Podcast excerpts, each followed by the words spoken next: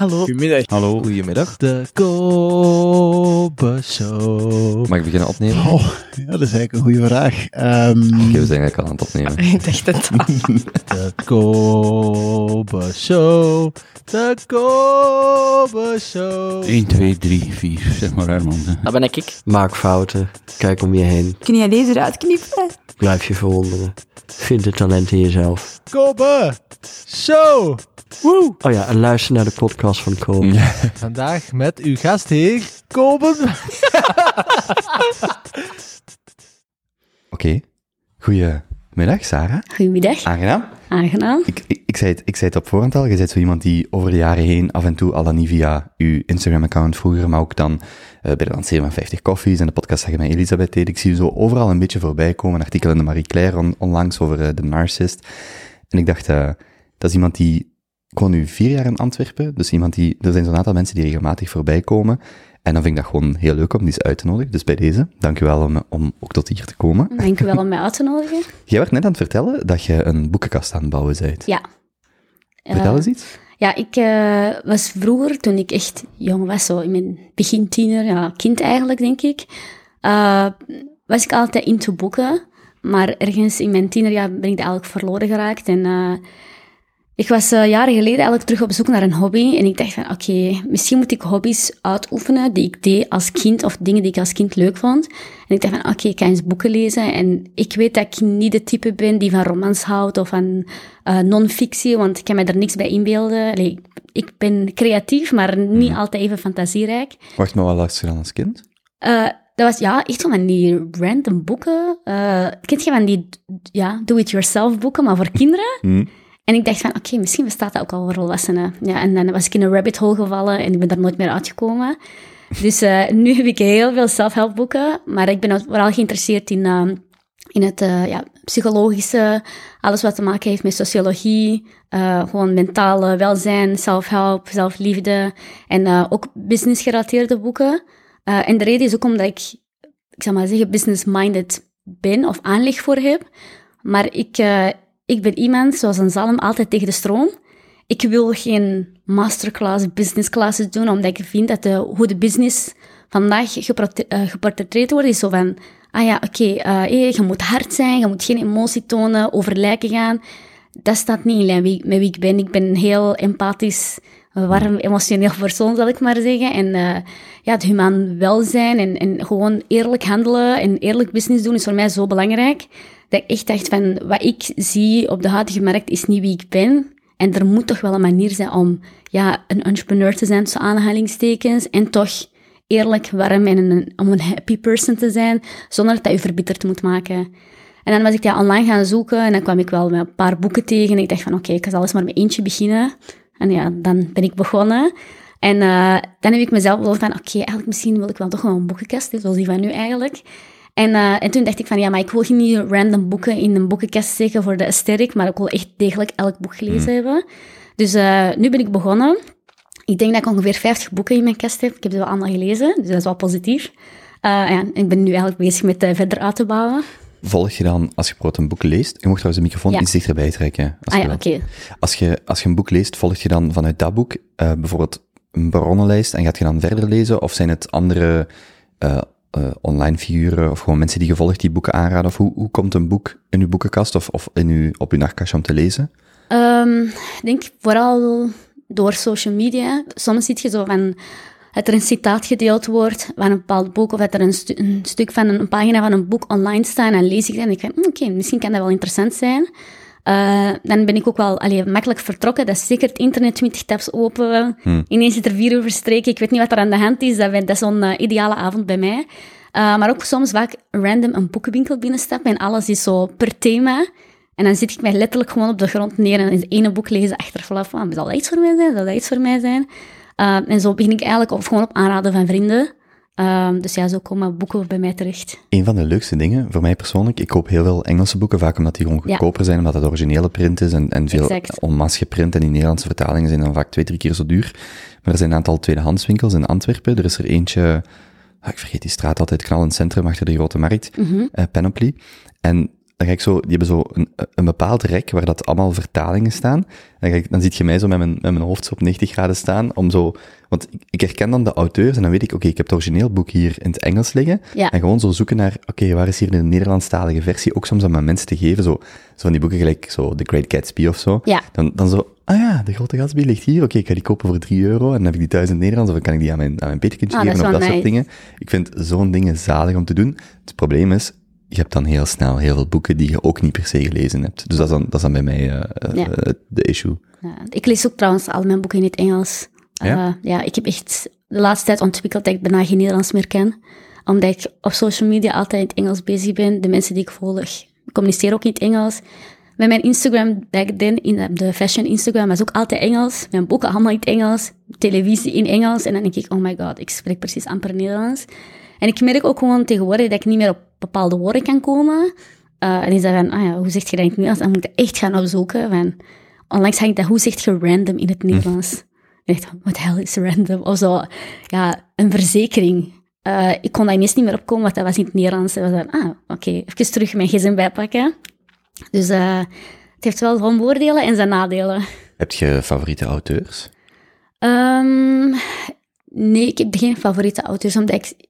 Alhoewel, ik lieg. Ik heb er eentje. Dat was eh, Paulo Coelho. Dat was het enigste van wie ik al zijn boeken gelezen heb. Maar dat is gewoon zijn manier van schrijven dat heel mooi is. Dat kan echt van fictie, non-fictie, roman, eh, poetry. Dat waren wel heel verschillende boeken, zal ik maar zeggen. Dat is het enigste auteur of echt schrijver dat ik echt gelezen heb. Dat ik echt denk van, oké, ik wil alles van hem lezen. Maar op vlak van zelfhelpboeken probeer ik niet ehm, op één persoon te richten, maar I try to keep an open mind. En denk van, oké, wat zegt een andere persoon? Of ik, ik, ben niet, ik ben niet zo loyaal eigenlijk, feitelijk. Dus voor mij is het gewoon, ah, we'll see where it gets. Super, ja. Die, ehm wat jij net beschreef, die, dat harde versus misschien dat zachte, is dat, in mijn hoofd klinkt dat als dat zo, eerder dat, die, die, en niet een enkel ondernemerschap, maar ook hoe het in het leven staat, dat masculine versus dat feminine. Ja. Denk je daar ook zo in die termen over? Of, of, of is, dekt dat niet volledig de lading? Eh, wat bedoelt u precies? Wat ik daarmee bedoel is, als het zo bijvoorbeeld over leiderschap of ondernemerschap gaat, dat masculin is dan heel vaak doorduwen, get things done, um, um, uh, over lijken gaan, ik ben Ja. het overdrijven, hè. En dat feminine, en vooral duidelijkheid, ik bedoel niet mannelijk-vrouwelijk, Ja, ja, ja. mas- eh, maar wel zo, want zowel een man als een vrouw kan masculin of feminin zijn, Mhm. of, of een hand- stijl hanteren. Maar dat feminine is veel eerder het gevoelsmatige, Ja. het, wat doet dit voor ons? Niet wat gaan we doen, maar moeten we dit wel doen? Ja. Of niet hoe gaan we het doen, maar misschien waarom doen we het? Zo, Ja, ja, ja. en, en voor mij loopt het dan over die lijnen van masculin versus, allez, versus, masculin en feminin. En dat is dan het idee wat ik daarover had, maar ik weet niet of dat dat is wat je ook bedoelde met die, die manier van in het leven staan, of die manier Ja. van, van on- eh, ondernemen, of, of eh, ja, zelfs boeken die je leest, bij wijze Ja. van spreken. Is, maar is het masculin ehm, en feminin, of denk je daar anders over na? Nee, ik denk wel dat dat zo is, maar ik denk dat de, de wereld waar wij vandaag leven nog redelijk masculine is. Dat ik echt denk van, alles is, moet praktisch zijn. En ook als je ziet hoe de maatschappij aan het evolueren is, alles is kapitalistischer. Nu, alleen voor pre-lockdown was iedereen go with the flow en secure the bag. En iedereen was al puur met die mentaliteit bezig. En ik heb altijd zo, ja, mijn, mijn, mijn man zegt altijd tegen mij, je bent veel te utopisch voor deze wereld. Ik heb soms een droombeeld van, nee, alles kan in harmonie. Het is een hippie, alles kan in harmonie zijn en dat moet allemaal niet zo zijn. En snap je, wij kunnen wel de, de wereld beter maken en we, we moeten gewoon water bij de wijn doen en we moeten als een collectief denken en ieder moet het probleem zien. En ik, ik struggle daarmee soms in de zin van, het oplossing is er, de mensen klagen, maar mensen willen de oplossing niet uitvoeren. En dat maakt mij soms boos. Ehm, dat ik echt denk van, het leven is al, ik zeg altijd, in, in balance is peace. Dus we moeten leren balanceren en misschien minder egoïstisch zijn en meer kijken van, oké, wat speelt in het algemeen in ons voordeel? En inderdaad, sommige dingen zijn wel heel gevoelsmatig en meer vrouwelijk en de andere zijn misschien heel mannelijk en meer rechtuit misschien. En we hebben dat nodig. Soms moeten streng zijn, maar soms mogen we ook heel zacht zijn. Dus de juiste balans vinden. Ik heb het gevoel, pre-lockdown, dat was ook toen ik de Narcis had gestart, niemand sprak over zelfliefde. Allee, heel weinig zal ik maar zeggen, sprak over zelfliefde, over mental health en over jezelf her, allee, uitvinden of jezelf rust geven. En nu met de eerste lockdown, ik kan misschien 50 pagina's opnoemen met hetzelfde missie als de Narcis. Maar dan denk ik altijd, doen jullie dat omdat dat trendy is? Doen jullie dat omdat dat nu sexy is? Of is dat echt een genuine concern dat jij van de wereld wilt helpen? En dat is hetgene dat ik soms mis. En dat ik het soms gewoon erg vind van, als je iets doet, doe dat met een passie en doe dat omdat je dat echt meent. En omdat je er echt van ja, je levensmissie wilt maken. Omdat je niet anders kunt. Omdat je dat- niet anders kunt. Of dat, dat voor mij het feit dat, dat mensen soms zo hard worden opgevoed, zal ik maar zeggen. Ik vind dat problematisch. Ik wil niet dat mijn kinderen zo ruw zijn of kapitalistisch nadenken. en- Of gewoon denken van, ah nee, een entrepreneur of dit en dat. Dat wij streven naar bepaalde eh, levensstijl zonder na te denken aan ons medemens. Ik wil dat helemaal niet. Ik wil juist streven naar die balans en daarom heb ik mijn pagina ook op, opgericht. Maar nu met de lockdown is alles zo...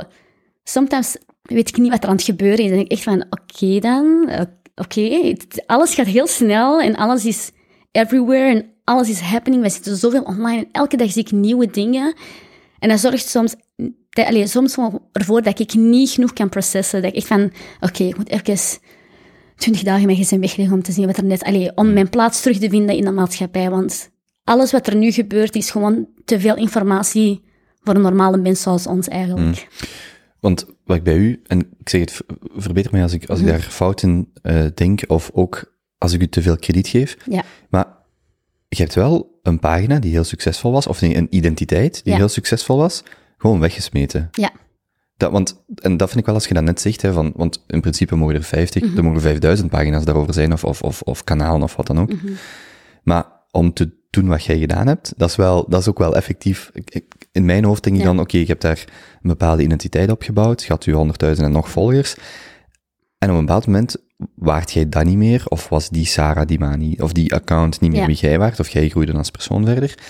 Maar je hebt ook effectief opgezegd, verwijderd, of, of allee, voor zover ik weet is het vandaag volledig offline. Ja, en dat vind ik dan wel, ja, dat is wel zo practice what you preach. Van, je hebt effectief gezegd, oké, dat, dat is wie ik was. Of Ja. ja, ik- opnieuw, verbeter mij als ik, als ik te ver daar romantiseer, maar dat is wie ik was. En dat ben ik niet meer vandaag, dus ik ga gewoon iets anders doen. En om daarvan afstand te nemen, dat vind ik wel, dat vind ik dan zo opmerkelijk in de positieve zin. Zo van, Ja. ah ja, wacht eens, dat is, je kunt wel zeggen dat je dat zou doen, of dat je zelfliefde, of dat je jezelf voorop stelt, Ja. maar dan moet je dat ook wel doen. En dat heb je dan ook wel effectief gedaan. Inderdaad, ik, ik heb er eerlijk gezegd, ik, ik struggle al enkele jaren met mijn social media in de zin van, ik heb het onbewust gebruikt als een tool voor zelfontplooiing. Op dat moment had ik dat niet door, omdat ik, ik was gestart op mijn 19 jaar en ik heb dat verwijderd in 2020, ik was ja, 27. Jij zit van 92? 93. 93, Ja. En dat is acht jaar. En ik heb dat acht jaar lang, had ik blijkbaar dus mijn Instagram nodig om te ontdekken wie ik was en wat ik leuk vond. En ik hou van fashion, mijn passie, dat gaat echt nooit uit mij gaan. Ehm, maar ik had, denk ik, Je hebt ook een zalige kleurencombinatie vandaag aan. Ik zei het u daar straks al. En dan ook nog die jas, die donkerbruine, of is die kaki of wat ja, is dat dat? is kakkie, ja. Ja, heel mooi. Maar Dankjewel. daarnaast. Dus ik, ik, ik, ik heb dat echt moeten gebruiken als zelfontplooiing, zonder, zonder dat ik het door had, zal ik maar zeggen. En ik heb er wel, ik kan niet liegen, Instagram era, zal ik maar zeggen, was super tof. Ik heb er echt van genoten. Heel veel opportuniteiten gekregen. Dat heeft mij ook gemaakt tot de vrouw die ik vandaag ben. En ook waarom Sarah Dimani bestaat, zal ik maar zeggen. Maar het heeft ook heel veel, ehm, ja, ik zeg maar, achter eh, elke medaille zijn er enkele curses, zal ik maar zeggen. En heeft zijn, heeft zijn de nadelen. Ehm, er waren ook heel veel dingen en, en heeft mij de laatste jaren heel hard in vraag gesteld van, waarom doe ik dit nu eigenlijk?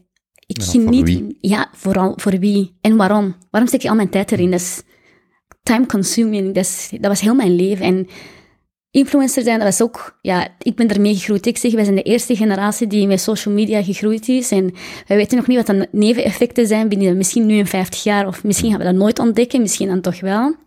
Maar ik had echt iets van... Oké, ik ben 27.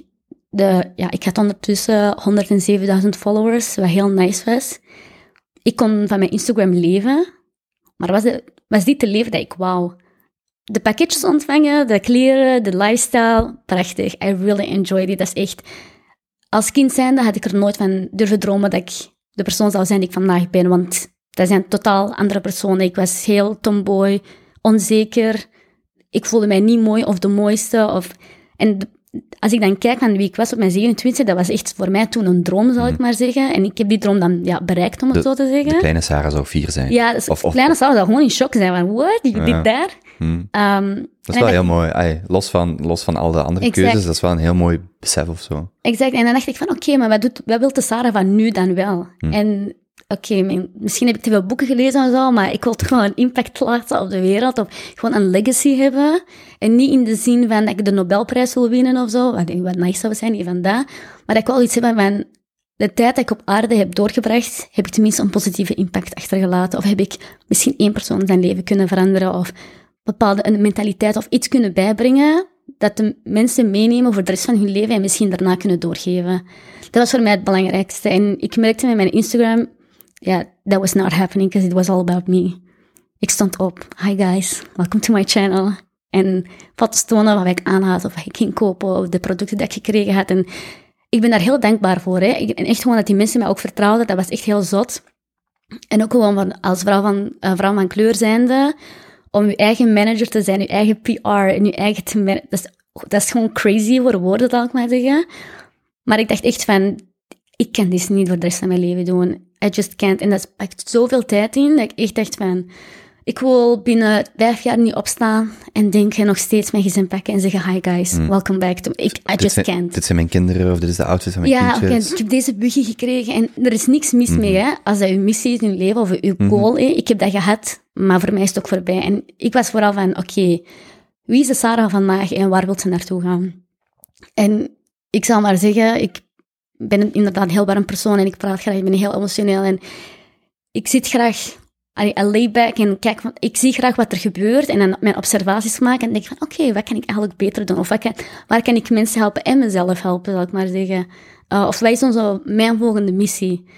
En uh, dat we, allee, ik zat, dit is over, de, over vier jaar gebeurd. Dus ik heb heel veel conflicten gehad. Dat ik op evenementen zei, ik denk, wat de fuck ben ik hier aan het doen? Of dat ik een pakketje kreeg, dat ik, oh my god, moet ik dat weer unpacken? Of ik heb heel veel van die momenten gehad dat ik echt denk van, oké, ik weet niet wat ik wil doen, ik weet niet wat ik wil doen, maar één ding wist ik zeker, en dat is gewoon, ik wou geen influencer meer zijn. Want ook, jammer genoeg, in deze maatschappij is, als je één ding doet, dan labelt dat u voor de rest van je leven. Je gaat eeuwig kopen zijn van de one-man show die je hebt aan de podcast. En, en dat is niet fijn om te hebben. En zeker niet als vrouw zijnde, of als man zijnde, gewoon mens zijnde in het algemeen.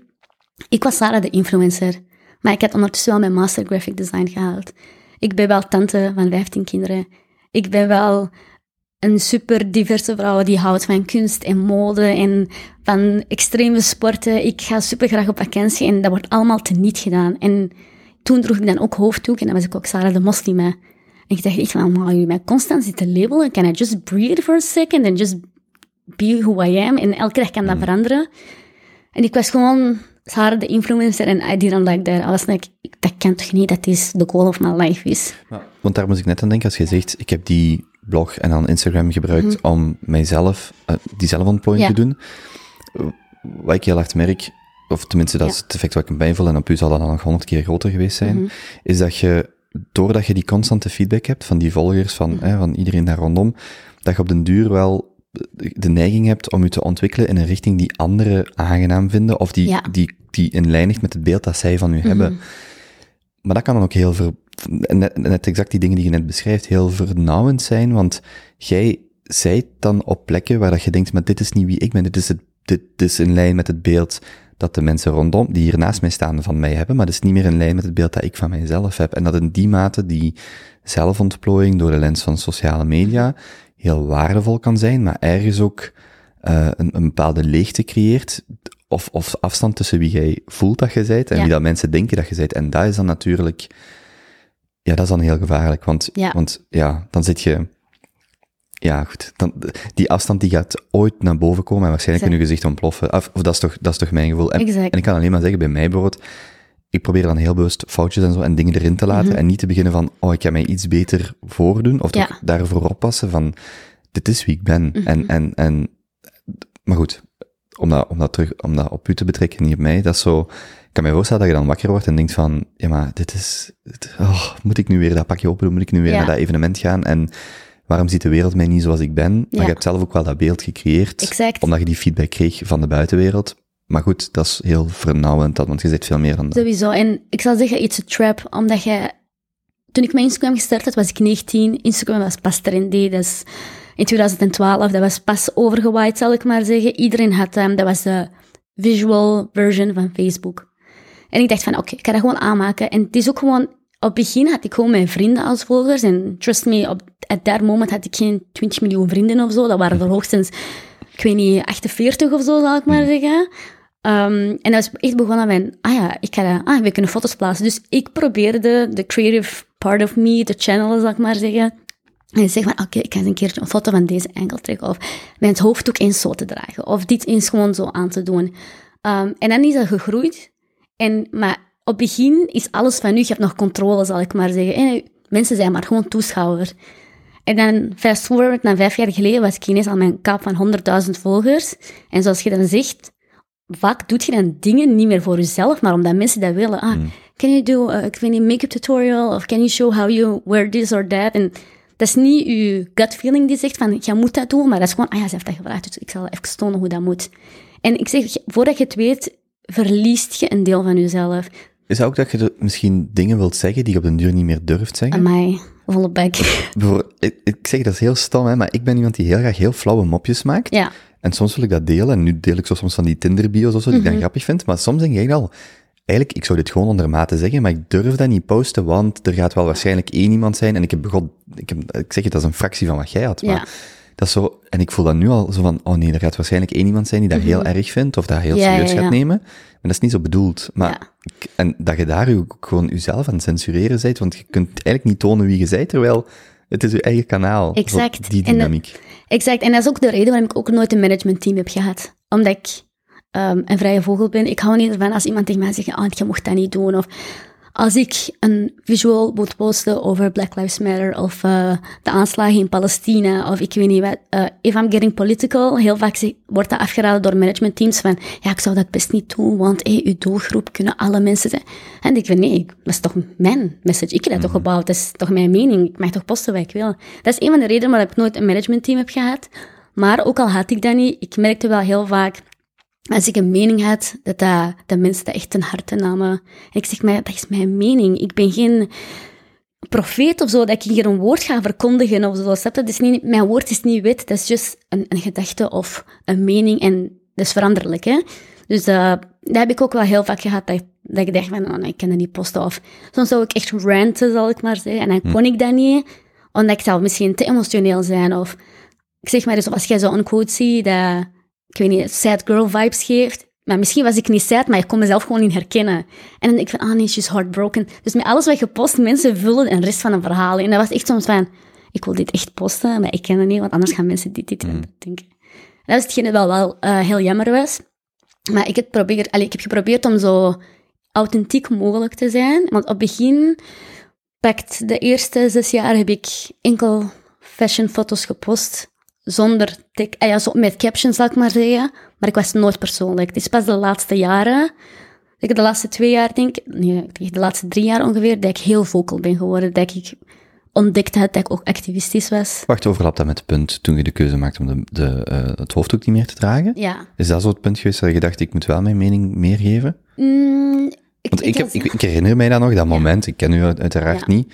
Maar ik dacht, was hier zelfs het nieuws? En niet, ik bedoel niet vanuit Ja, ja, u, maar daar werd zoiets van gemaakt, vrouw doet hoofddoek af. en dan zo Oeh, al die, spannend. al die verhalen zo van, kijk eens wat zij durft en niet durft en wel durft. En dat is een symbool voor dit en een symbool voor dat. ik Ja, en maar, was like...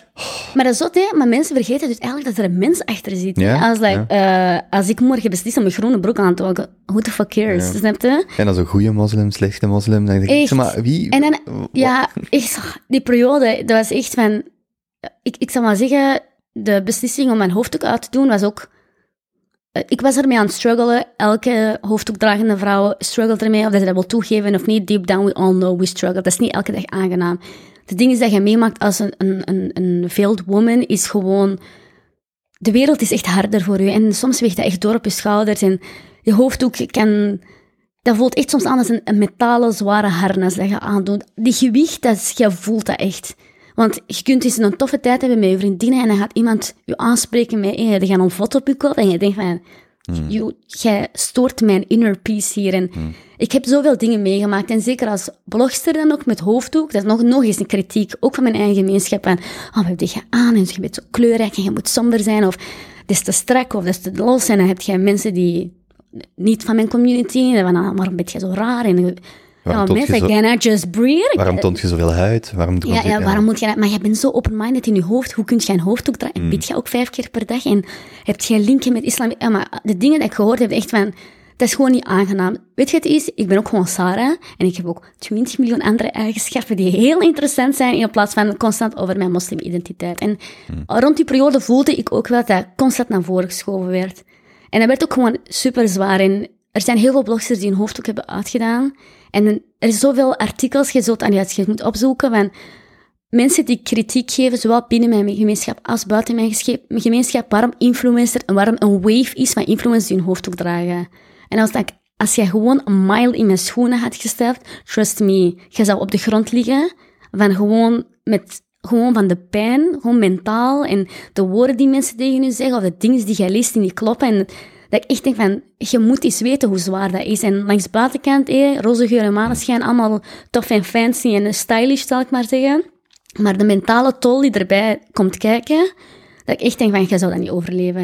Je moet er echt super sterk voor zijn. En nog steeds ben ik God dankbaar dat ik de dag van vandaag nog niet insane ben geworden. Dat ik ergens toch blijkbaar een filter heb in mijn hoofd die dat heeft allemaal kunnen plaatsen. Maar dat is echt super zwaar.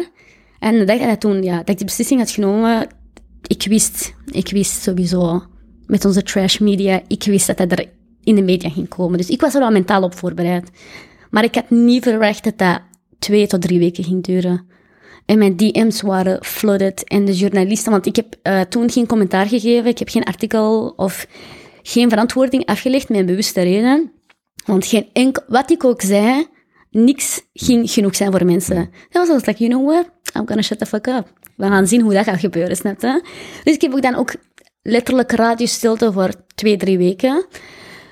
En ja, mijn, mijn mail echt vol met journalisten, dreigementen, mensen van mijn community, mensen van de Vlaamse community. Dan kwam Philippe de Winter nog over mijn tweeten. Ik dacht, bruh, come on, give me a break. En dan denk ik, ik ben gewoon een random chick van Antwerpen. Ik je besef, I mean, like, het is niet dat ik een celeb ben of zo. Ik ben geen Kim Kardashian of zo, snap je?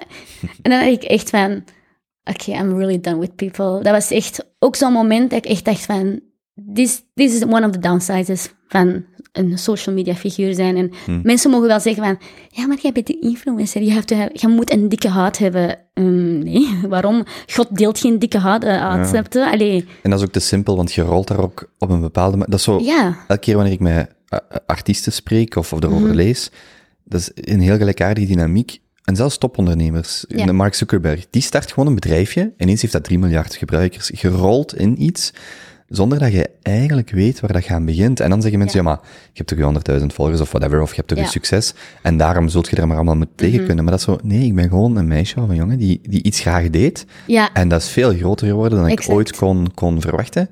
En ik moet het ook maar allemaal dragen. En dat is een heel, ik denk dat dat een heel fijn en dunne lijn is, die, ja. die, je, die ook heel moeilijk is om uit te leggen of zo. Want dat, Ja, je, je dat exact. En ook gewoon, ik zeg altijd op het einde van de rit ben ik even sterfelijk als jullie. Ik heb geen extra privileges. Ik ben even mens. Ik heb hetzelfde gevoelens en ik heb hetzelfde ja, struggles die jullie ook meemaken. Dus ik ben eigenlijk niet zo anders als jullie. En, en toch veel, voelen mensen zich entitled om bepaalde comments te plaatsen of om te roddelen. Of om... Dus dat is wel echt... Ik denk dat heel veel mensen dat onderschatten. En ik denk dat de, de programma's die wij zien op Netflix, op eh, ik weet niet, Telefax of zo, dat over influencers gaat, I'm sorry to say, maar dat is niet representatief. Absoluut niet. Wacht, heel even een kleine Ja. zijsprong, want ik denk dat, dat is een, ik vind dat een fijne vraag om aan u Mhm. te stellen. Altijd wanneer het over rolmodellen gaat, of dat nu Mhm. over mannen of vrouwen gaat, is mijn instinctieve antwoord of, of mening van, pas op met mensen in een rolmodel eh, mold, ehm, Mhm. ehm, ehm, eh, ja, mold te steken. Want als je iemand omhoog duwt, kan die ook, kunt maar één richting gaan als je van boven staat en als naar beneden. En heel Ja. concreet nu bij Siam, maar er, je kunt- honderden voorbeelden geven dat ik heel veel reacties heb gezien, mensen uit de Marokkaanse gemeenschap, Mhm. maar ook vrouwen, ook mensen, ook vrouwen die zich daarin herkennen, die zeggen, zo jammer dat dat met haar gebeurt. En Mhm. wat ik dan voel is, ja, maar als je iemand in een rolmodel stopt, in, een rol, in die functie stopt, dan doet je eigenlijk zowel jezelf als die persoon, je doet die eigenlijk geen plezier. En, en dus Ja. je ziet heel veel, iets wat ik heel vaak hoor, zeker wanneer het over de allochtone gemeenschap gaat, Mhm. zeker voor ondernemende vrouwen, is, we hebben meer rolmodellen nodig. Mhm. Maar dat, bij mij botst dat dan van, ja, maar pas op met die rolmodellen, want dat zijn ook maar mensen en die gaan Exact. ook fouten maken. En dat, is zo, en dat is zo'n thema wat je heel moeilijk kunt bespreken, want aan de ene kant zal de andere persoon zeggen, maar ik mag toch rolmodellen hebben? Of waarom zie ik zo weinig mensen van kleur op televisie als ik opgroeide? En ik, ik heb begrip voor dat argument, maar aan de andere kant denk ik, ja, maar als iemand tot een rolmodel bombardeert en ze doet dan de hoofddoek af of ze doet iets, ja, hou rustig jongens, dat is ook maar een mens. Het is ook niet meer als dat. En ik vind dat een heel, ik vind dat een moeilijke ehm, tweestand of zo, van wat, wat is daar nu eigenlijk juist of niet juist in? Ja, ik, ik, ik ben sowieso geen fan van heel die rolmodellen fenomeen, zal ik maar zeggen. Want dat precies is in de laatste jaren pas gekomen. Vroeger kende ik dat niet, rolmodellen. Dat was gewoon, ah, she's cool. Of van, ja, ik wil haar zijn. Of dat was zo een actrice in een bepaalde rol. Dat ik zeg van, ah, ik wil zo cool zijn zoals haar. Maar nu, inderdaad, zoals gezegd, wij zetten te veel mensen op een pedestal en wij labelen te snel als rolmodel, terwijl die persoon misschien nog in een groeiperiode zit. Net zoals mij, ik was 19 een rolmodel. Eh, hallo, ik heb nog ineens een vierde van mijn leven geleefd. Dus, allee, ja, ik heb nog niks gezien. Dus ik, ik hoorde heel vaak, ah, je bent een rolmodel en dan wil je een taak komen geven. Ja, mijn taak gaat altijd, hallo, ik ben Sarah en ik weet niet eens wat ik aan het doen ben. I don't know what I'm doing. Tot ik van, nou, ik ben 27. I don't know, ik weet niet. Misschien ga ik morgen beslissen om te gaan een, een topzwemmer te worden. Misschien beslis ik om, eh, ik weet niet, duiven te fokken. Ah, ik weet niet, ik, allee, ik weet het niet. Ik denk van, oh, ik I don't know about that. Ehm, dus ja, en ik ben ook gewoon heel, ja, ik ben nog in een onderzoeksfase in mijn leven. Je zit, je zit grappig. Dankjewel. Ja. En ik, ik dacht echt van, ja... En toen had ik dat, ah, Sarah, het rolmodel met hoofddoek. Ah, rolmodel op vlak van fashion, rolmodel op vlak van ondernemen. Ja. Rolmodel met de hoofddoek, rolmodel zonder de hoofddoek, Exact. rolmodel hier. En dat zo... Ja. Echt, just give me a break. Houd je rolmodel bij jezelf. Wel ja, ik Mm. wil dat niet zijn. En ook gewoon, ja, mensen... Inderdaad, hey, die zitten dan op een pedestal en inderdaad, als je iets doet dat er niet, niet hoort of niet verwacht, dan is dat echt, ah, let's cancel that person. Oh nee, cancel culture is weer gekomen. Ehm, dus ik heb, ik heb gewoon heel veel issues daarmee. En het is gewoon van, je, ja, je kunt geen mensen op een rolmodel zetten. Als jij een gelovig persoon bent en je zegt, Jezus is mijn rolmodel, of de profeet Mohammed, dan kan ik nog begrip tonen. Want dat zijn heel grote figuren. En dan denk ik van, oké, was gezegd, ja, Elon Musk is mijn rolmodel. Hij heeft heel veel verwezenlijkt. Hij is ook een ouder persoon. Hij heeft veel dingen gezien. Hij heeft meer ervaring. Maar je gaat toch geen 19-jarige zetten op een pedestal en je zegt, je bent een rolmodel. Ik weet nog niks. En ik voelde mij ook heel vaak een imposter. Dat ik, oké Sarah, echt voor een talk dat ik de speel krijg. Ik stuur ook foto's naar mijn familie van, ik trek foto's van, hallo, eh, faking my life, part 3485, I don't know what I'm doing. Ehm, en dan denk ik echt van, voor mij heb ik echt het gevoel dat ik zo iets overbreng. En iedereen heeft er wel iets aan, maar ik heb het gevoel van, eigenlijk, ik wil niet zeggen dat ik die spot niet verdien. Ik zal het wel verdiend hebben. Of je zult hem wel claimen als hem u gegeven wordt, of Ja. als hem u aangeboden wordt, want je hebt wel, het is niet dat je niks doet, of, of gewoon, het komt niet uit de lucht vallen of zo. Nee, inderdaad, maar ik denk dat we gewoon heel vaak... Allee, toen had ik het gevoel van, ja, ik ben nog te hard in onderzoekende fase, dus ik kan niet eens bevestigen of dat het zo werkt, of dat het zo is. Dus ik wil pas iets overbrengen als het echt... Ja, ik moet me een expert voelen, of ik moet een certificaat hebben van, ja, jij kunt erover praten. Dat is net zoals eh, toen met heel die uh, hoofddoeken gedoe, uh, allee, als influencer... Ik werd ook heel vaak uitgenodigd op de afspraak. Ja, nee, het gaat weer over de hoofddoekendebat. Kun je komen praten? En dan denk ik van, oké, maar wat wordt er gezegd? En dan krijg je die vragen en zo echt diepe vragen dat ik zeg van, vraag een theoloog. Geen random chick mijn hoofddoek. Dat is, mm-hmm. Een, theoloog kan dat islamitisch onderbouwen met de juiste feiten. En wij zullen dat ook wel weten, maar wij zijn niet zo vocaal zoals een theoloog. En hij kan meer argumenten brengen en misschien beter verwoorden. En bij ons ook zeker als iemand met een, andere achtergrond en je vraagt specifiek iets over iemands etniciteit of religie, wij voelen ons heel snel attacked van, oké, nee, nee, ik moet mijn community keigoed representeren hier, dus ik moet beste versie, en dan zeg je iets kei trashy, en dan denk je van, oh my god, ik ben teleurgesteld. Mm. En dat is hetgene, het probleem van vandaag, zal ik maar zeggen, dat mensen, zeker de media, de ene dag bent jij hot en de andere dag bent jij not, om het zo te zeggen, maar meestal ben je gewoon hot en die denken van, oh nee, we hebben iets, een, een nieuw mirakel ontdekt en we moeten die volledig uitbuiten, en eens dat het gedaan is, zoeken we weer iemand anders. En, en, dat is hetgene dat ik heel jammer vind. Ja, ook zo die typecasting van, ah ja, omdat je een hoofddoek wel of niet draagt, of, mm-hmm. ah ja, of omdat je een influencer bent wel of niet, ja. gaan we je uitnodigen om daar een mening over te hebben. Maar, zeg maar ik heb nog over honderd andere dingen een mening. Ja, of vraag mening over het ding dat ik doe, fashion. Mm-hmm. Als jij tegen me zegt, pas deze outfit aan, dan ga ik met full confidence zeggen, girl, zet dat maar terug in de kast, want dan past het langs geen kanten met elkaar. Maar als je dan komt met een diep theologische vraag, dat ik echt denk van, ik kan daarop antwoorden, maar mijn antwoord gaat zo weak lijken. En is, mm. allee, ik wil dan, allee, ik wil dat jij een goede antwoord krijgt op je vraag, dan vraag je een theoloog niet aan een random eh, meisje. Kleine zijsprong, zijn beide uw ouders Marokkaans? Ja, Sarah is een uh, Arabisch. islamitische naam, dat is de vrouw van de profeet Ibrahim. Hmm. Oké, ik heb die vraag nogal gehad. Ja, ja, ja, maar ik wist dat ook gewoon. Maar vroeger, als jong kind, was ik, wat betekent Sarah? En heb je zo Hmm. random uh, op Google, dat betekent prinses. Maar in mijn cultuur is Sarah geen betekenis of zo. Allee, dat, heeft geen, dat is gewoon een naam, zal ik maar zeggen. Maar ben ik gaan, op- ja, als kind dan gaan opzoeken en dat was gewoon de vrouw van de profeet Ibrahim. En dat is geen internationaal naam, dat komt je ook terug eh, in de Bijbel of eh, in de Joodse cultuur. Dat is heel internationaal. En Dimani, wat betekent dat? Eh, Dimani is, heeft geen betekenis, eh, maar het wordt hier anders uitgesproken dan in het Arabisch. Eh, hier leest je het gewoon Dimani, maar het, eh, mijn vader zegt altijd Dimani of Dimani. En dan klinkt het wel meer Marokkaans, zal ik maar zeggen, dan Dimani. Dimani klinkt eigenlijk heel Italiaans dan. Ja. Ja, en als je het zo op zijn Marokkaans uitspreekt, zou ik het ook anders schrijven, wat, ook, Ja. wat ook al meer Arabisch klinkt of leest. Mm, Exact. mm. Die... En praten jullie Arabisch thuis? Ja, dat is eh, mijn moedertaal. Ja, aanzalig. Oké, dus je spreekt Arabisch, Nederlands, en dan neem ik aan Engels, Engels, ja. uiteraard. Nog talen? Eh, al een beetje Frans eh, hier en daar, basics. Ehm, ja. Oké, zalig. En die, wat je net zei, nog een kleine zijsprong, je zei net, uw man, jij bent ook drie weken geleden getrouwd. Of, ja, dat of, klopt. of in januari ergens getrouwd. Eh, ja, 16 januari. Ja. Corona party. Nee, party. Corona wedding. Hoe is het, hoe is het om, te, om te trouwen in, in deze omstandigheden? Super. Want even vanuit mijn, ik zal even vanuit Ja. mijn vooroordelen redeneren. Mhm. Ik zou verwachten dat je dan een groot, want uw partner is, ik, ik weet niet wie uw partner is. Mijn, mijn partner, mijn partner eh bedoel je zijn etniciteit of zijn naam? Of? De, de verwachtingen, ja, de, de verwachtingen van wat een, een huwelijk zou zijn. Ja, eh, mijn partner is geen Marokkaan. Hij komt eh, van Cameroen. Ehm, ja, we zitten altijd op één continent, Afrika. En jij weet, Afrikanen, wij, zowel Noord- als Zwart-Afrikanen, we houden wel heel van grote feestjes. Mhm. Maar ik ben altijd iemand geweest die ik heb gezegd van... ik wil een kleine feest met mijn vrienden, want eh, ik ben een ambivert. Dus dat betekent dat ik extravert ben wanneer ik goesting heb. Eh, dat is niet altijd. En ik ben niet graag de persoon die in de belangstelling zit. En ik weet dat dat heel contradictorisch klinkt met mijn Instagram. En mijn Instagram was mijn wereldje. En it was Ja. just me. Snap je? Dat is gewoon, ik moest met niemand praten. Ah ja, ik kon met mensen praten, maar ik moest geen show delen met iemand. Of eh, constant, eh, ik weet niet, concerten geven. Of, Voilà. eh, En die honderdduizend mensen, die staan niet elke dag voor u. Nee, is- en ook gewoon, je hebt er geen vet over. Of dat er één stond of dat 107.000. I, don't know, ik zie dat niet. Hè. Dus ik heb er geen vet, eh, ik heb er geen, ik heb geen vet op, zal ik maar zeggen. Eh, maar ik wil sowieso altijd een klein feestje hebben met gewoon intieme vrienden en familie.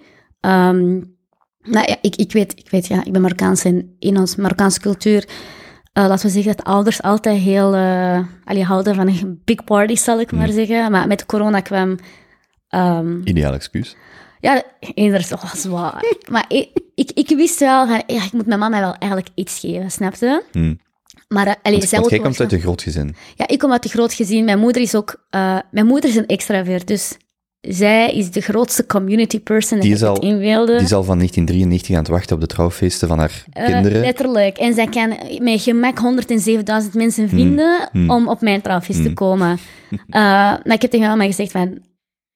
Ik wil u feest geven wanneer het mogelijk is. Maar nu met de corona doen we het gewoon ja, op mijn manier. Was, ik heb zelfs mijn manier niet gekregen, want het was corona en we mogen niet samenkomen. Mhm. Maar wacht, het idee is dan wel, want dan zou de vraag zijn, waarom trouwt je dan nu en niet bijvoorbeeld over een paar jaar? Ja, Maar is dat omdat je eerst wil trouwen voor je aan een familie begint, aan een gezin begint? Eh, ja Of- sowieso. sowieso. Ja, ja. Eh, en ook gewoon van ja... Weet je, het is, hoe lang gaan we in deze situatie zitten? God knows. Vorig Mhm. jaar dachten we, ah ja, corona, we blijven drie weken in lockdown. Ondertussen, al een jaar geleden, God knows hoe lang wij hier nog in zitten. Misschien is er morgen een Indische variant. I don't know. Misschien gaan de cijfers weer helemaal omhoog. I don't know. En eh, omdat het gewoon zo onzeker is van, ja, ik kan moeilijk wachten op een moment allee, dat ik niet weet hoe lang dat is. Allee, ik weet niet wanneer een einddatum is. Dus ik dacht, allee, ik zei ook tegen mijn moeder van, "Mm, maybe now it's a good idea. En ze was like, "Hmm, midden in een pandemie, wanneer de ergste lockdown, dan was ja, wel. En ik van, Want het is niet dat je je trouw hebt moeten verzetten naar eh, vorige maand. eh, nee, nee, we hebben het niet verzet. We hebben het niet verzet. Mhm. Eh, ja, wij dachten eerst van... Ja, wij dachten eerst gewoon van, ah ja, oké, weet je... toen, wacht, we hebben, hij is, allee, we hebben dat echt besproken in de zomervakantie. En toen waren wij, waren wij terug een beetje vrijer, zal ik maar zeggen. De winkels... Was je toen al verloofd? Eh, nee, we zijn verloofd in september. Oké, Dat was heel kort na elkaar. ja.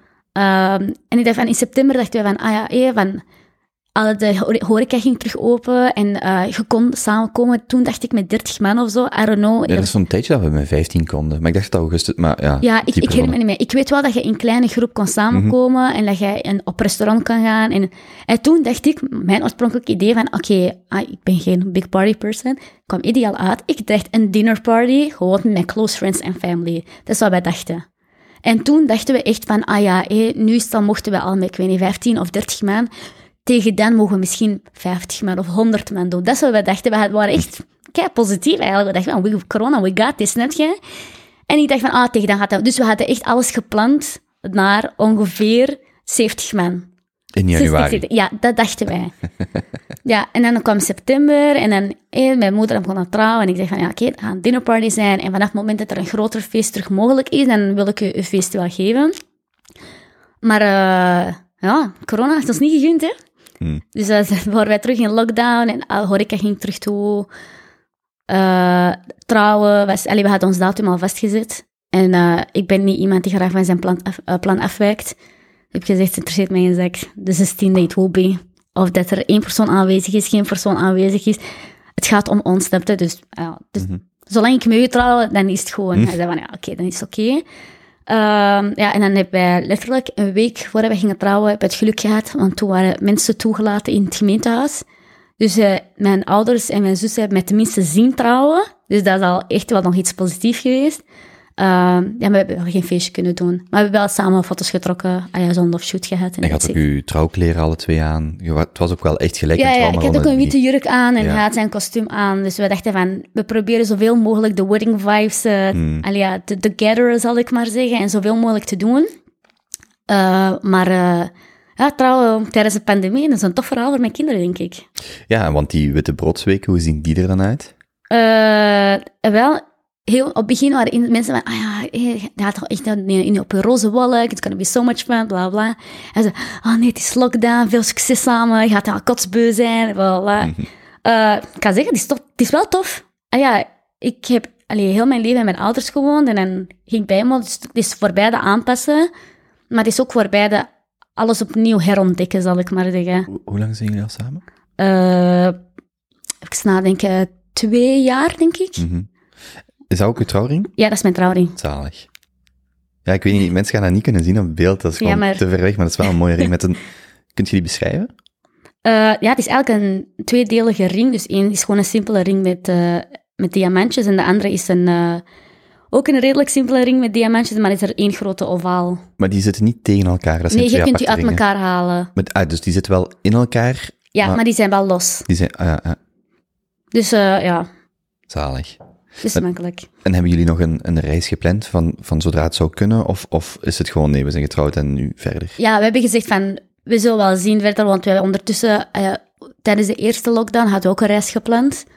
Eh, dachten we van, ah ja, hey, wij kunnen gewoon een citytrip doen, maar niks is doorgegaan. Eh, dus ja, corona moest ons echt gunnen, joh. Af.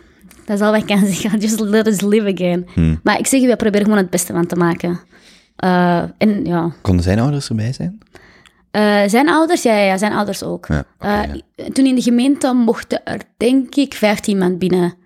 Ehm, dus ja, dat hebben gewoon moeten selecteren, zou ik maar zeggen, want ik heb een groot gezin, zoals ik eh, Hmm. gezegd. Wij zijn, eh, ik heb drie broers en vier zussen. En nog twee ouders en een, ja, een schoonzus, mijn enigste schoonzus. Dus ik wou haar ook niet uh, buiten maar. Dus zij is wel een belangrijk, een deel van ons gezin. Eh, en, ja, en dan 15 kinderen, kleinkinderen. En al mijn zussen, hun, man, hun mannen waren er ook. Eh, maar dan zaten wij gewoon verspreid voor de gemeente, zal ik maar zeggen, met mondmaskers op. Eh, en langs zijn kant is een kleiner gezin, maar wij zijn gewoon met superveel. Het is één gezin. We hebben geen groot familie, maar wel een groot gezin. Ehm, als ik terug ga van die zijsprongetjes, eh, terug naar waar we, we waren bezig over, ehm, eigenlijk, dat je zei dat je een aantal jaar u volledig focust op, eh, dus, dus op mode sowieso, maar Ja, ook ehm, vanuit mode, maar dat je dan op de laatste jaren daar activistischer in wordt, ja. of werd, en dat dan min of meer eh, dat punt rond die, heel die hoofddoek, heel die discussie die dan op gang kwam over uw keuze eh, in verband met uw hoofddoek, Mhm. En dat je dus rond die periode daar wat activistischer in bent geworden, of je meer persoonlijk in bent geworden. Is, dat, is dat dan, heb je dat pas door als je daarop terugkijkt, of had je dat toen op dat moment door van nee, ik moet meer mijn eigen mening geven? Ehm, ja, het was begonnen, denk ik, denk mijn allereerste discussie of eh, rant, zal ik maar zeggen, op mijn Instagram, was op mijn Instagram story. En dat was denk ik over een jobhunt. Ah, by the way, mensen, ik ben nog steeds op zoek naar een job. eh, als jullie het vinden, stuur maar naar mij door. Maar eh, ik was toen op zoek naar een job. Jij hebt, even tussendoor, ik weet niet of ik dit on the record kan zeggen, ik denk het wel. Ja. Een goede vriendin van mij, die had een vacature uitstaan en die heeft u gestuurd dat, ze- dat er net iemand was ingevuld. Of dat ze al iemand gevonden heeft. Damn it. Kijk, just my luck. Ja. Nee. Maar je zoekt iets als grafisch vormgever. Ja, als grafisch ontwerper, social media manager, content creator, of eender welke, of dat in retail, of receptionist, of in Hmm. een supermarkt. At this point, I don't care anymore. Halftijds, voltijds? Voltijds. Alright. Dus eh, het maakt mij echt niet uit. Ook al is dat iets deeltijds of vier, vijfde, I don't care, stuur maar gewoon. Op dit moment, ik ben gewoon, tijdens de corona een job zoeken is gewoon een pain in the ass. Is het vooral omdat je eh u wilt bezighouden, of is, het of is het vooral financieel? Nee, het is echt gewoon financieel. We're trying to survive, snap je? Allee, mijn, eh, mijn man werkt wel en wij kunnen er wel van leven, maar eh, ik wil niet naar de supermarkt gaan en denken aan hoeveel broodjes kunnen wij kopen. Dat is wat ik bedoel. Ik wil, eh hoe moet ik zeggen, zelfverzekerd zijn in wat ik gewoon wil kan kopen en zo. Voelt je dan ook afhankelijk als je zelf geen inkomen hebt? Of een wagen? nee, want ik ben nog steeds zelfstandige. Ja. Maar met de Narcissist, maar omdat mijn businessmodel is veranderd van influencer, waar ik inderdaad kon leven van eh, ja, mijn geld then, dat ik verdiende, naar de Narcissist gaan, dat op dit moment niet veel opbrengt. Mm, bijna niks, zal ik maar zeggen. Dat is nu af en toe nog wel met tax en zo, maar dat is een grote shift in je levensstijl. Ja, en als je geen eh, bijeenkomsten kunt doen of mensen kunt uitnodigen of geen... Exact, Ja, Dat, is het, dat is het probleem. En ook gewoon, op het begin had ik wel een plan, zal ik maar zeggen, een businessplan. En ik had wel, ik zou zeggen, we zijn solid begonnen. Maar ja, met, met corona, dat is gewoon, ja, elk bedrijf, die zijn precies als dode muggen aan het neervallen. Echt, was- ik was aan het zetten aan het lopen. Hoeveel winkels zijn er leeg eigenlijk? Ja, ik was dit weekend, ik ben, ik ben echt gechoqueerd. Ik was in Hasselt, waar ik dus Ja. vrij dichtbij ben opgegroeid. De Demerstraat is zo de shoppingstraat Mhm. van Hasselt. Ik denk, ik denk dat je... Ik was... Ik heb nog nooit in mijn leven gezien hoeveel dat daar te huur staat. Dat is echt... hè? Voor is mensen die daar... Je moet gewoon eens... Daar gewoon... En daar is het makkelijker, omdat dat één duidelijke straat is. Ja, Je zou daar elke week eens moeten doorlopen en gewoon tellen. En zonder overdrijven, daar stond, denk ik, in dat centrum 30% te huur of zo. absurd, hè? En ik was daar met een, met een maat, een ondernemer, een echte ondernemer, aan, aan, allee, in vergelijking met mij, aan het rond. En die zegt ook echt van, mijn ondernemershart bloed. Dat is echt, dat is, dat is zo dramatisch. Dat is echt Of, eh, ja. om te halen, echt waar. En nu begint je dat... Ah, wel, hè, hier, ik denk vier weken geleden of zo, de Huidevetterstraat, heb je die drie verdiepen die allemaal, dat ik daar voorbij kwam met de tram en echt dacht, oh ja, maar als dit nu ook al... Allee, nee, want dat is vrij groot, dus dat gaat sneller. Ja. te- Maar zo, oh shit, het is echt zo, dit jaar heb je nog heel veel... crisis is real, man. Ja. echt crisis is echt... Dat had ik ook... Allee, eh, ja, toen ik dan eh, begonnen was met Sarah D, dan had ik wel mijn loon en bla bla. En met de Narcissist was ik begonnen met een plan, maar Wanneer was dat trouwens, officieel, de Narcist? eh, eigenlijk het aller, allereerste launch date dat normaal gezien ik in gedachten had, was 13 maart. Maar iedereen die 2020. 13, 2020. En wat is er gebeurd op 13 maart? Lockdown. Dat was een vrijdag. Oh my god, ik, wou echt, ik heb echt gehaald in de zetel, want ik had een, eh, al een launch event Hmm. klaargestoomd. I was, ik heb invites uitgestuurd, ik had mijn sprekers geregeld, voorschotten gegeven, alles was geregeld. En dan was dat gecanceld. En ik, heb gewoon, ik was gewoon moe van het organiseren. En Ja. ik had gewoon een mental breakdown midden van de zeteltranen. Ik was gewoon kapot. En ik dacht echt van, ik was zo boos. Ik was echt zo boos. En toen dacht ik echt, toen dacht ik van, oké, weet je wat, misschien eh, naar de zomer toe. Want toen dacht ik van, ja, corona is gewoon, eh, dat gaat voorbij, snel voorbij. Dan had ik er ene in eh, augustus. En eh, Een, augustus... e- een evenement. Ja, had ik een, een lounge-event, zal ik maar zeggen, in augustus. Ehm, maar dat was net zo... Dus de- dat waren zo drie, we- vier weken waar de maatregelen constant aan het veranderen waren. Toen mochten wij dan weer geven evenement en weer voor niks geld uitgegeven. En ja, wacht dan maar op de perfect moment, hè. En toen dacht ik, weet je wat, eh, sorry, maar fuck it. Ik ben gelanceerd op 1 september op een schooldag. Ik dacht, dat is puur symbolisch. 1, scho- 1 september is gewoon puur symbolisch. Ik ga gewoon online launchen.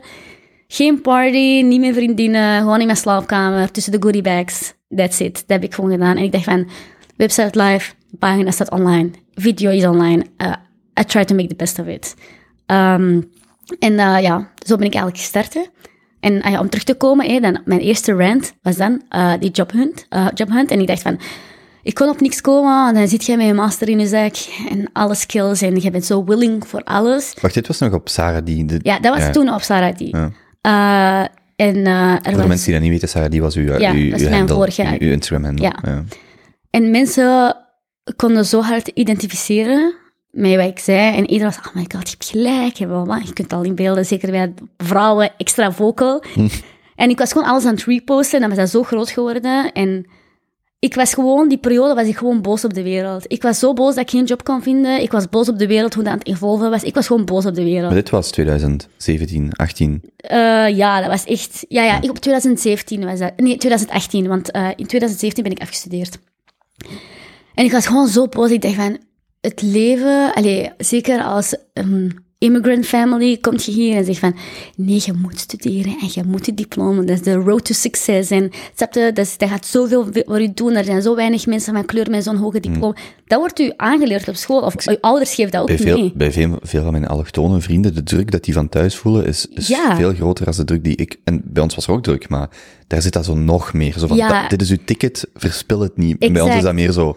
Ja, ja, oké, het is belangrijk en je wordt daarvoor opgevoed en je gaat dat zo doen, want Ja. je gaat verder studeren. Maar bij veel eh allochtone vrienden is dat echt zo van, zeker eerste, nee, zeker dan tweede generatie, Ja. dus de kinderen van de eerste generatie, zo, hou jong, daar ligt veel druk af van thuis. Exact. En ik ben iemand, als ik iets vastpak, ga ik er ook 110% voor. Dus, modeltraject, onder, afgestudeerd met onderscheiding. Ik was zo trots in de eerste in mijn familie met een masterdiploma. Dus mijn vader in de wolken. Sint-Lucas? Ja? Sint-Lucas Antwerpen. Antwerpen. Ja. Mijn vader was echt in de wolken. Dat was echt van, mijn dochter heeft een master. Dat was de first in the family. Echt, ik had dat echt, had dat echt mijn diploma in een kader op zijn nachtkast. Echt? like proud moment. Zalig. En, eh, Hoe fier moet die geweest zijn? Zot, hè? En ik dacht echt van, the future is bright. Mijn Instagram was popping. Ik dacht, weet je, I got it all secured. Ik ga het maken in het leven. En eh, ja, in de jobhunt, eh, dat wou maar niet in gang schieten. Want toen was dat, ah, je moet vijf jaar ervaring hebben. Of je moet dit, of je moet dat. Of toen droeg ik hoofddoek nog. Ja, eh, hoofddoek, dat is al moeilijk. Maar als ze mijn naam lezen, willen ze, mij, ah, willen ze wel een gesprek. Als ze mijn hoofd zien, wouden ze geen gesprek meer. Dat was Wacht, mijn- ze, heb je dat echt zo, zo vaak zo aangevoeld? Bruh. Echt overdreven. Of dat gewoon mensen zeggen, nee, niemand met hoofddoek. Heb jij gezien wat er in Zaventem is gebeurd? Nee, geen hoofddoek. Ah ja, oké, veel succes, hè. Hmm. En dat was echt super heavy. En Ja, ik vind dat zo Als ik dat, Ja. als ik dat iemand hoor vertellen, ik, ik kan niet in twijfel trekken dat Ja. dat gebeurt, maar ik kan mij dat gewoon niet, ik kan mij dat gewoon niet voorstellen. Dat weet, je, dat, weet je het is? Het is niet, allee, het is niet altijd de, de, de CEO's of de managers schrik Hmm. van hebben. Het is altijd van, nee, als we iemand aannemen van, met een andere kleur of met een hoofddoek of ik weet niet, een tulband of zo. Oh nee, onze doelpubliek gaat zich niet op hun gemak voelen. Hmm. Dat, en dat is het ding van, als je een vrouw ziet werken met een hoofddoek in een kledingwinkel, zou ze, tussen aanhalingstekens, minder toegankelijk zijn dan een blonde Sophie met een grote glimlach. Snap je wat ik bedoel? ja, ja want, wa- want wat ik ook wel begrijp, dat ik nooit zo, ik vind het nooit aangenaam wanneer iemand zegt, ja, dat is gewoon omdat je racistisch bent bijvoorbeeld. Nee, Ja. ik begrijp wel dat mensen rekening houden met hoe dat eender wie in een bedrijf Mhm. re- ehm, impact heeft op de bedrijfsactiviteit. Exact. dat kan evengoed een gehandicapte persoon zijn. Ja, nee, nee, ja, bij u niet, want, want u in de winkel, we kunnen geen, Ja. iemand in een rolstoel kan geen kleren verkopen in een winkel waar ik aan zich begrip voor heb, dat dat uw bedrijfsactiviteit Mhm. Ja. beïnvloedt. Dus niet alles is gewoon discriminatie, maar ik denk dan tegelijkertijd, ja, maar who cares? Allee, Eén, who zet u, zet u daarover. Ja, één, who cares? En twee, stap die naar buiten, competent- zie ja, waar je ja, leeft. En ja. Antwerpen, als die mens 177 nationaliteiten. Ja, en als die mens competent is, dan is hij competent. punt. Exact, exact. En ook gewoon van uh, iemand zijn persoonlijke keuze, of dat we iemand een ooglap aandoen, of iemand, ik weet niet, eyeliner aandoen, of zijn haar groen verft. Dat is een persoonlijke keuze, net zoals een hoofddoek aandoen. Hmm. Ja, maar een black skin color hebben, dat is geen persoonlijke keuze, maar je bent zo geboren, snap je? En we zouden er eigenlijk geen onderscheid in mogen maken. Dus enerzijds begrijp, allez, begrijp je, ik, ik zou kunnen begrijpen waarom mensen nee zeggen tegen eh, andere mensen met een hoofddoek. Echt, moet ik zoesten. Drink maar. Echt, hè? Het fijne is, we zijn hier echt door aan het praten. En je praat snel, dat is goed. Dus, dus voor een Limburger zoals mij is dat goed om, om met iemand te praten die doorpraat. Of niet? Dit is toch niet weg? Neem je tijd. Hm, Dank wel. Ik ga ook nog eens drinken.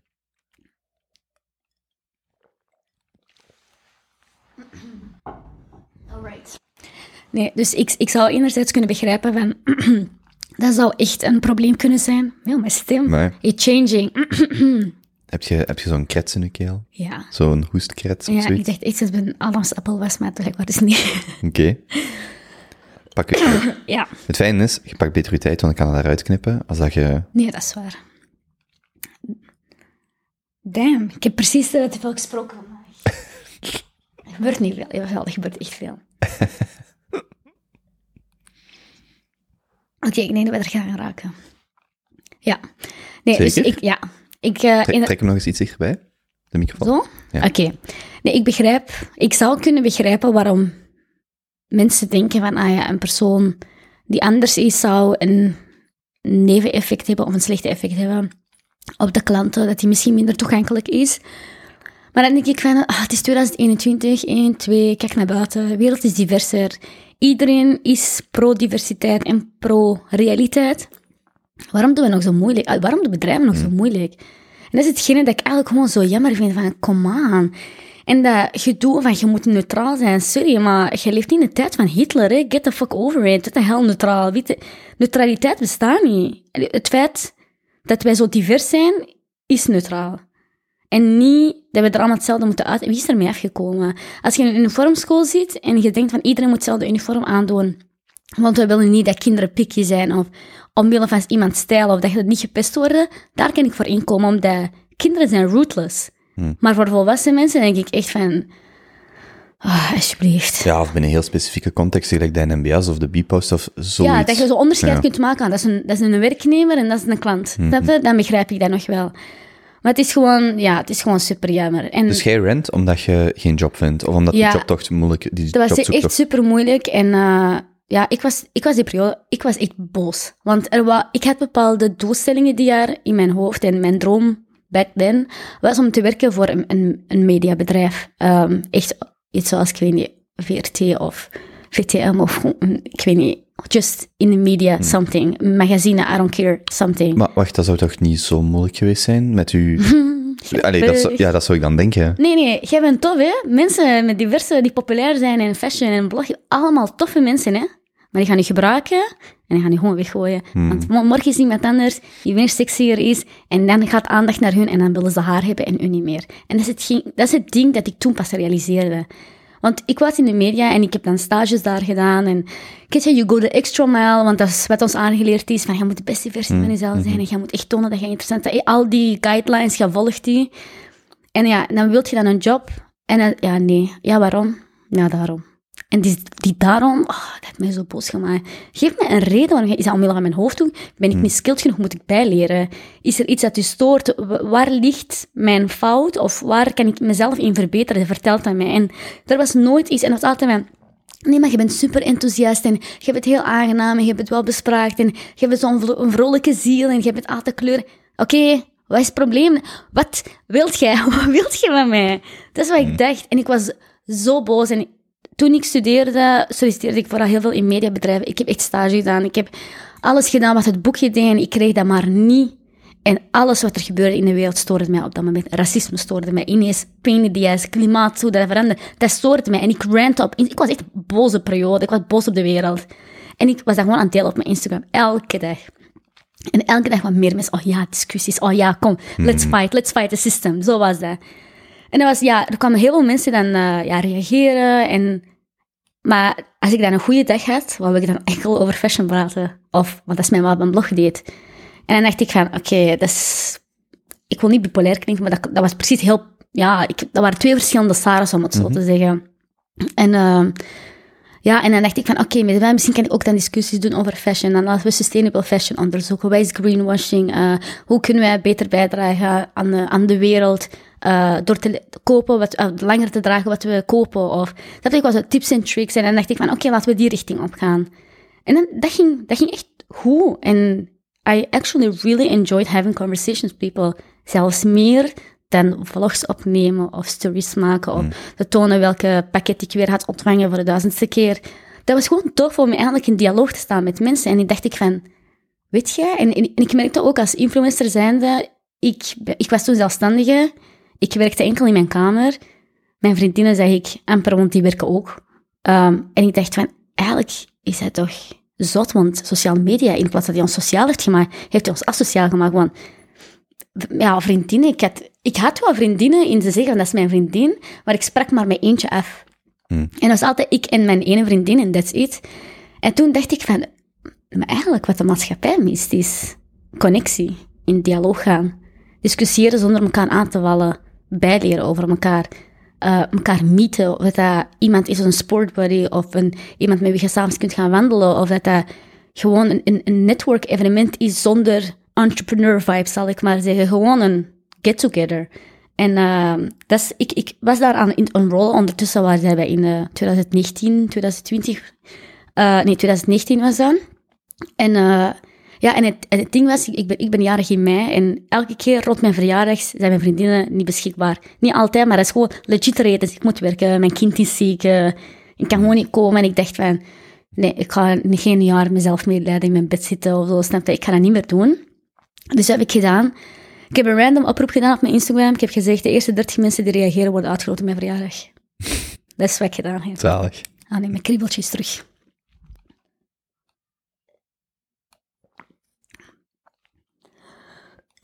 Mooi kaars, by the way. Dank u wel.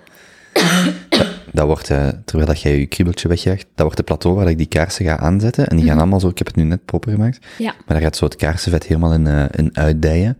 En ehm, nog een mooie mold zijn. dat gaat echt, ja, dat, dat wordt prachtig. Ja. Weet je wat grappig is van, van, van een podcast te maken? Misschien herkent je dat, of, of van veel van je leven te delen, zal ik zeggen. Kom hier soms mensen binnen en dan zo, hm, ik ken uw toilet, want iemand heeft daarover gepraat. Ik herken uw kaarsen, want iemand heeft daarover gepraat. Ik herken uw... Ah ja, dat staat hier ook. Ah ja, ik weet, daar heeft iemand over verteld. En dan zo, Zot, hè? ik zie dat zo mensen die er binnenkomen en beginnen te lachen, zo van, ja, daar heb ik u al over horen vertellen. En ik zo, oké, ja, grappig. dat is eigenlijk zot, hè? Dat is, vertel over je huis en jij woont hier gewoon echt. Een nadeel is wel, allee, een nadeel. Ik vind dat soms jammer. Ehm, mensen zeggen zo tegen mij zo, dan heb ik bijvoorbeeld iemand een maand niet gezien en dan zegt hij, ja, maar ik hoor u bijna elke dag of bijna elke week, Ja. want ik luister naar je podcast. Exact. Maar zo, ja, maar ik heb u al een maand niet meer gehoord. En dan Ja, zo, ja, ja. Dus dat is wel het, het tegenovergestelde, maar ja, goed. Nee, dat is waar. Nee, dus ik zei ah, op mijn verjaardag van, ik ga gewoon random 30 mensen uitnodigen. De eerste mensen die, 30 mensen die reageren krijgen dat. En toen dacht ik van, oh nee, dat is geen goed plan. Hm. Want ik heb legit niks gepland. Het was twee weken voor mijn verjaardag. En ik dacht, weet je wat, ik heb een paar vriendinnen uitgenodigd die wel konden komen. En dan heb ik gezegd, eh, de eerste 20 mensen die reageren, mogen op mijn eh, verjaardag komen. Maar ik heb niet gezegd dat mijn verjaardag was. Ik heb gezegd, mogen komen naar een event. Ik heb niet gezegd dat het mijn birthday was. Dus ehm, ineens zat ik in een moment waar ik een evenement moest organiseren voor 30 man. Eh, Ik, ik heb er niet over nagedacht. Hè. Het was Ramadan toen. Ik dacht, ah, ik moet een iftar voorzien dan. Ah, maar ik wil ook interessante mensen. Dus ik ga gewoon, ik ben gewoon random mensen te sturen. Hey, heb je goesting om de, die dag te komen praten over dit en dat? Zeg, jij doet toch slam poetry, hè? Je goesting om bij mij te komen optreden? En eh, een vriendin, mijn moeder, ja, zeg, je, zeg, de woensdag, wat doe jij? Niks. eh, heb jij goesting om eten te maken voor eh, 30 man of zo? Mijn moeder, oh, 30 man? Dus ja, ik was gewoon aan het rondbellen. Een vriendin van mij eh, zat op een coworking space en ik weet dat ook een event space is. Ik dat daar hebben. Toevallig vrijdag een dag. Ah, wat met jij? Ja, dat is gratis. Oké, dankjewel, dat was het. Dus ineens, ja, op mijn 25 mei, denk ik 2019, was de eigenlijk de allereerste evenementen, het eerste evenement slash netwerkevenement. En daar is de Narcissist opgebouwd geweest. Ik wil gewoon testen van, werkt dat? Mensen samenbrengen, random mensen samenbrengen en erover praten. Dat is de leukste avond van mijn leven. Ik dacht echt van, oh ja, ik, dacht, ik had voorzien van 6 tot 10 of zo, dat dat ging duren. Uiteindelijk zaten we daar tot 1 uur tot 2 uur s'nachts, gewoon te babbelen over life, wat wij haten aan de wereld. eh. Wat was dan de setup dat je bijvoorbeeld met een aantal mensen op een podium of, allee, hè, of ergens sprak en er zat een publiek? Of ging iedereen met iedereen in discussie? Ja, of? nee, dat was, ehm, er was een, een mini-podium dat we met twee zetels, zo cozy zetels. En ja, ik heb dat gewoon een beetje ingeleid van... Ja, ik heb je vandaag samengebracht, because I felt like it.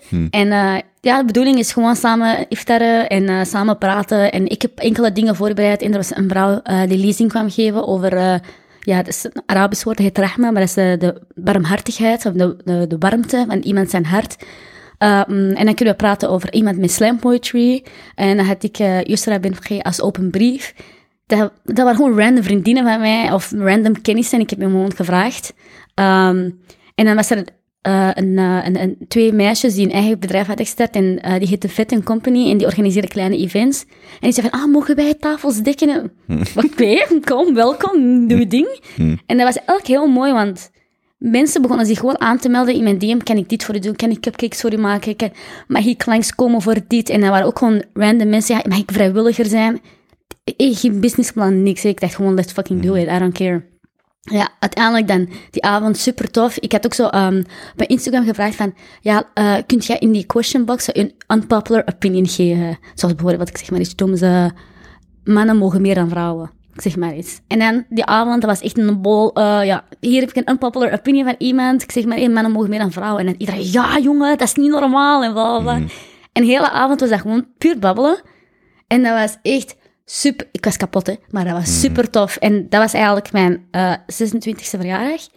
Super tof, ja. En sommige mensen wisten van, ja, je hebt niet gezegd dat je jarig was, dit, dat. Ik zeg, eigenlijk wou ik gewoon komen om gewoon warmte met mensen te voelen. Echt zo'n gezelligheidspersoon te zijn. En niet eerst zeggen van, hey, it's my birthday of zo. Maar ja, mijn beste vriendin had wel taart voorzien. En iedereen begon eens happy birthday te zingen. Dus dat was wel eigenlijk super tof.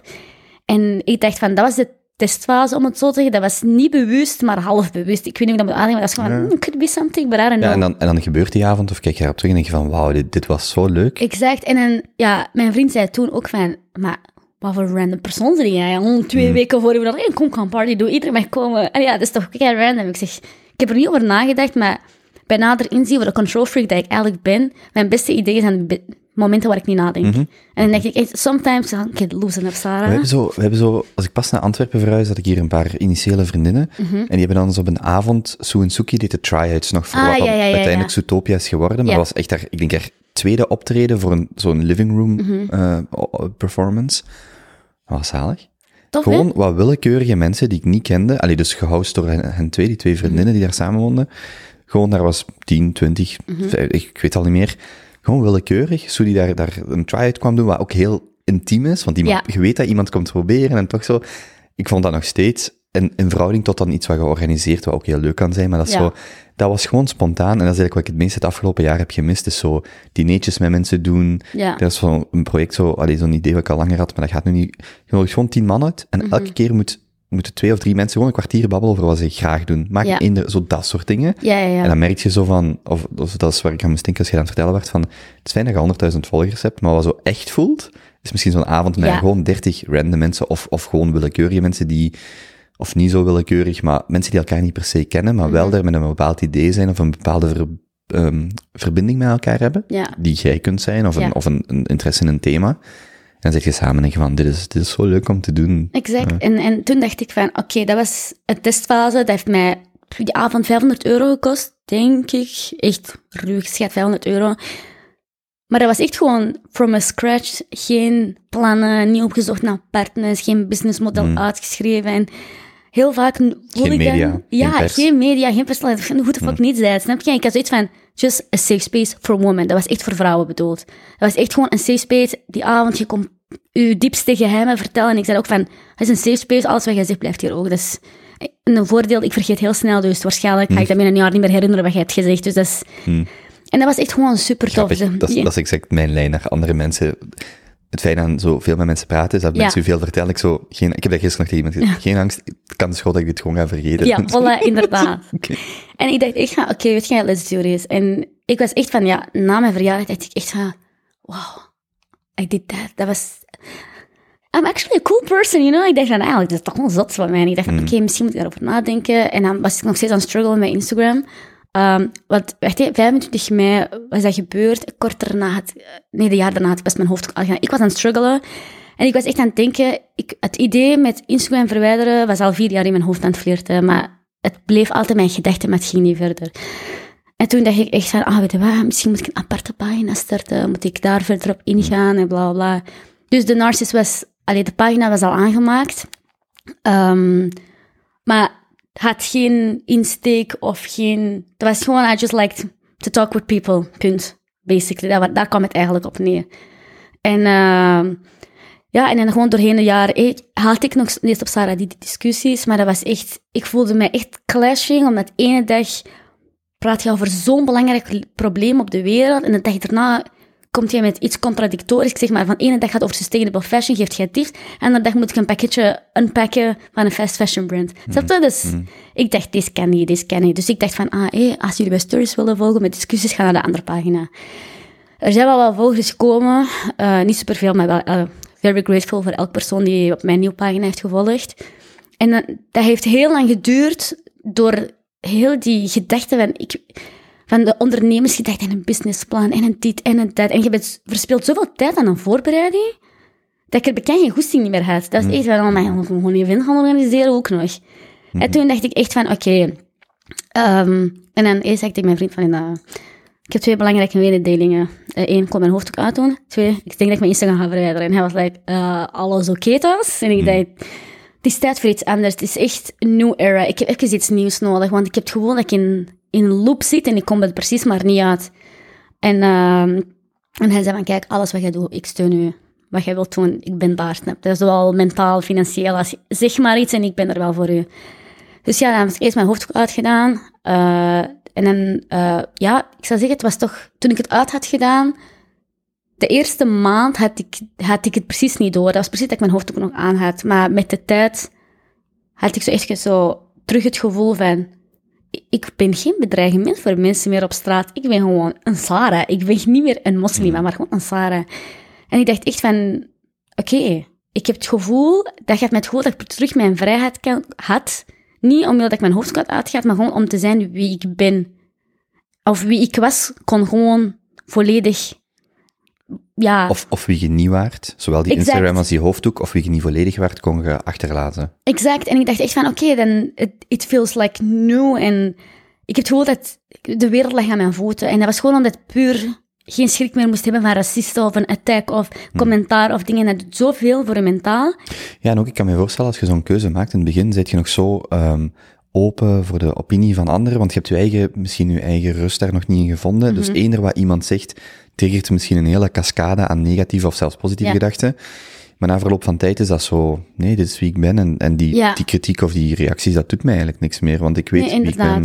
En ja, en dan wacht, dat was in juni en dit jaar, in 2021. Ik heb nog wel volgehouden, maar dat was echt een sleur. I just tried to make the best of it. Maar tijdens de eerste lockdown dacht ik echt van, hoe lang nog? Hoe lang ga ik dit nog doen?